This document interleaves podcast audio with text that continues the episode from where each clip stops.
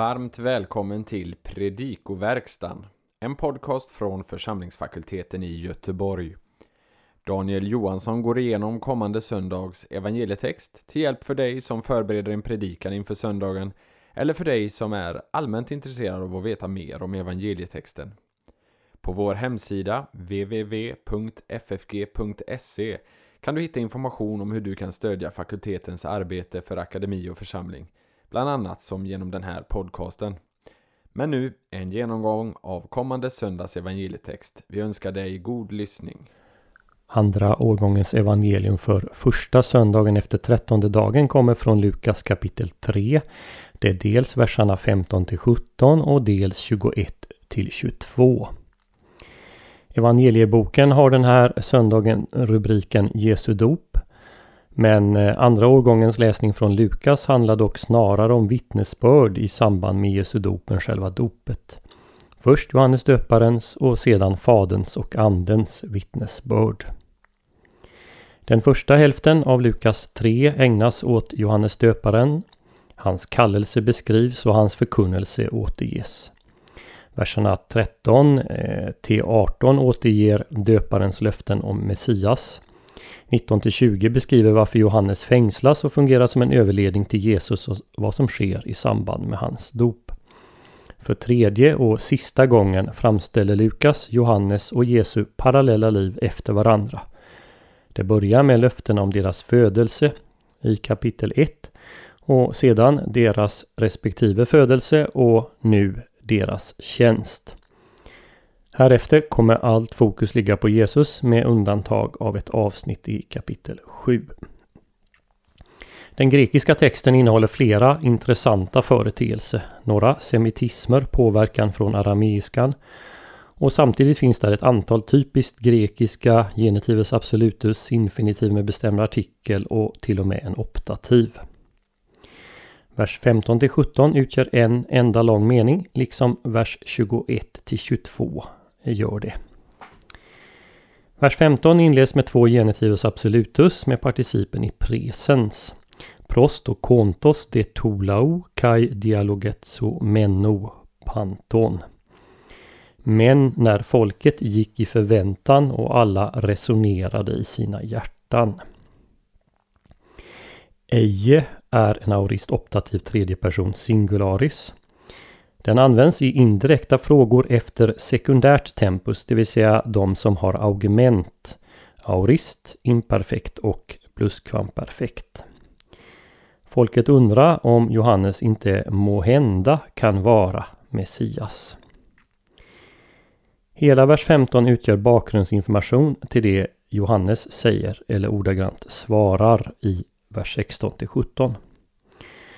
Svaret ställer upp en kontrast mellan Johannes och Jesus. Ego men hyddati baptizo hymas erchetai deho is rotteros mo. Jag döper er i vatten, men han som kommer är min starkare, är starkare än mig. Men föregriper en D-sats Eh, det är ofta så då att den första satsen, men-satsen, betydelse är mindre och betydelsen av den andra, det-satsen, framhävs när det är den här typen av konstruktion. Därefter följer två beskrivningar av Jesus som båda inleds med relativpronomen i genitiv ho, vars. Och det första som då följer är ett av de mest förekommande citaten i Nya Testamentet för samtliga evangelier och apostlagärningarna återger dessa Johannes ord. Ho ok eimi ikannos, lysai ton himanta ton hypodematon auto. Relativpronomenet ho hänger ihop med ton himanta ton hypodematon. Vars sandalremmar jag inte värd att lösa. Och då kan man notera att på grekiska så är det avslutande ordet i satsen auto helt överflödigt.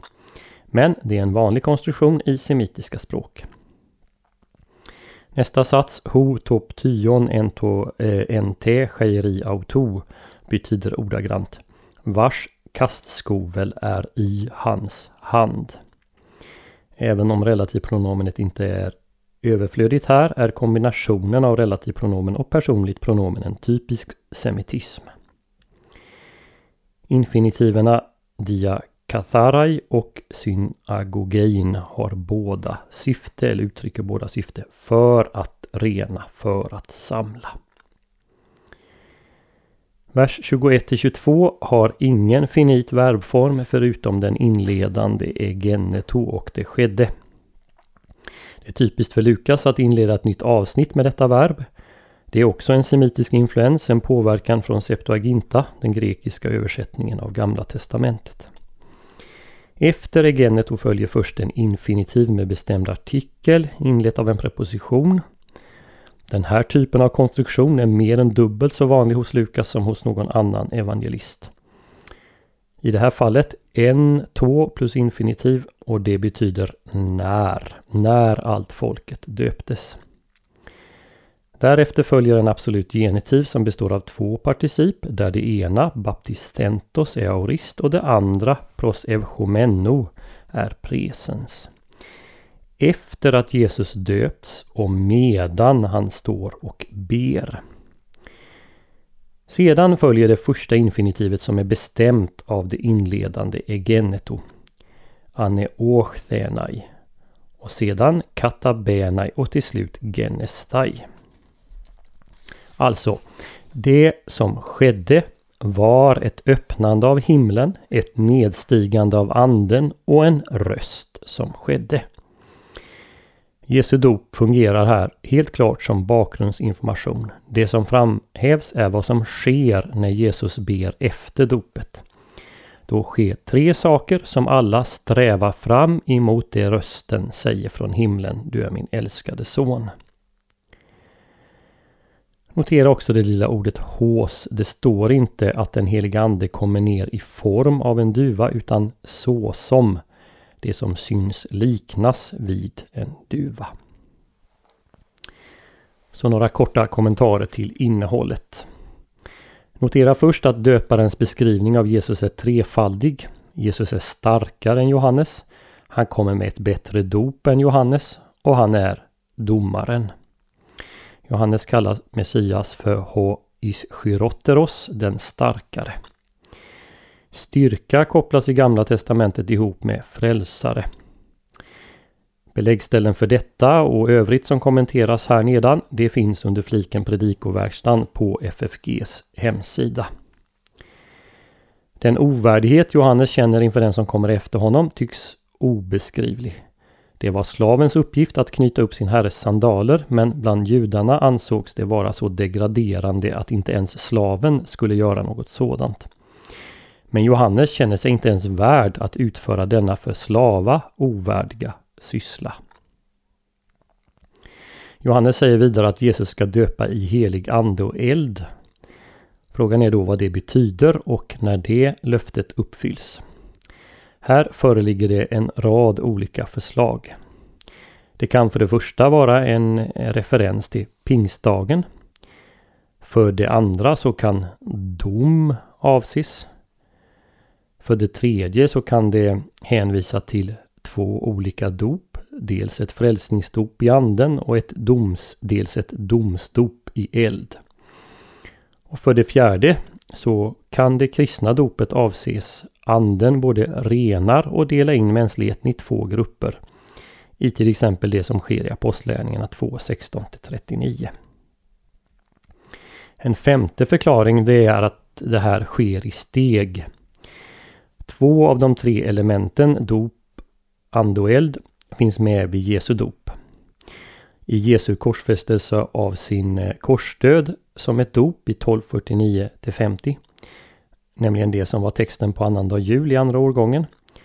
Och även då i beskrivningen av pingstdagen. Jesus blir vid dopet och på korset själv döpt i ande och eld i mänsklighetens ställe. För att sedan genom det kristna dopet själv döpa med ande och eld det dop han själv har genomgått. Skiljande av vete från agnarna vid tröskandet det gick till på följande sätt. Det tröskade kastades upp i luften med kastskoven varvid den tyngre säden föll ner på golvet medan agnarna blåstes åt sidan av vinden. Jämför här till exempel Saltaren 1.4. Bilden, liksom talet om den outsläckliga elden, finns i Gamla Testamentet.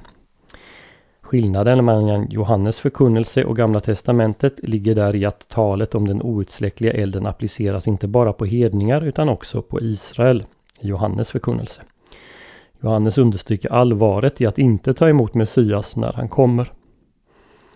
Jesu position som domare är enligt döparen grundat i hans överordnade position. Och här kan man också jämföra med det som står i Apostlagärningarna 10, 42-43 liksom 17, 31. Vi har redan konstaterat att i vers 21-22 ligger fokus inte på Jesu dop utan på Faderns och Andens vittnesbörd. Grammatiken understryker den trinitariska aspekten på Jesu dop. Notera hur Lukas lyfter fram att himlen öppnas när Jesus ber. Lukas mer än någon annan evangelist eh, lägger märke till kom, eh, och beskriver hur Jesus ber ofta i samband med att något avgörande ska ske eller håller på att ske. Att himlen öppnas förebåda Jesu eget upptagande som kommer att beskrivas i Lukas 24 51 liksom Apostlagärningarna 1 9-11. Det finns också en parallell i 23.45. Förhänget i templet öppnas till den plats där himmel och jord möts i det allra heligaste. Man kan också säga att Jesu dop förebådar pingstdagen. Liksom Jesus är den förstfödde från de döda är han den förste som blir döpt i anden. Notera också att det är som smord med anden Jesus förs ut i öknen. Lite senare i sin programmatiska eh, predikan i Nasaret beskriver han hur han blivit smörjd av anden 4.16-30 genom att citera från Jesaja kapitel 61. Faderns tilltal till Jesus har sin bakgrund i Gamla Testamentet. Vi finner citat eller anspelningar på åtminstone Saltaren 2, Genesis 22.2, vers 12 och vers 16 liksom Jesaja 42.1. Deklarationen att Jesus är Guds son från Faderns sida bekräftar också vad ängeln sade till Maria i 1.32-35. Det här var texten på fjärde advent. Jesus blir alltså inte son vid dopet. Han är det redan innan han döps. Vår text följs av Jesus släkttavla där hans sonskap sedan förs ända tillbaka till Gud själv. Notera till slut att det är på denna punkt djävulen strax efteråt vill få Jesus att tvivla. I kapitel 4, verserna 1 till 13. Så hoppas vi att denna genomgång får bli till hjälp och välsignelse för dig som har lyssnat. På vår hemsida www.ffg.se kan du hitta information om hur du kan stödja fakultetens arbete, bland annat som genom den här podcasten. Ett sätt att stödja är att skänka en gåva genom Swish. Församlingsfakultetens Swish-nummer är 123 100 8457. Alltså 123 100 8457. Mottagaren som anges är Peter Isak Bens utbildningsstiftelse. Märk gärna gåvan FFG Podcast om du vill stötta just denna podden. Så önskar vi dig allt gott och Guds välsignelse.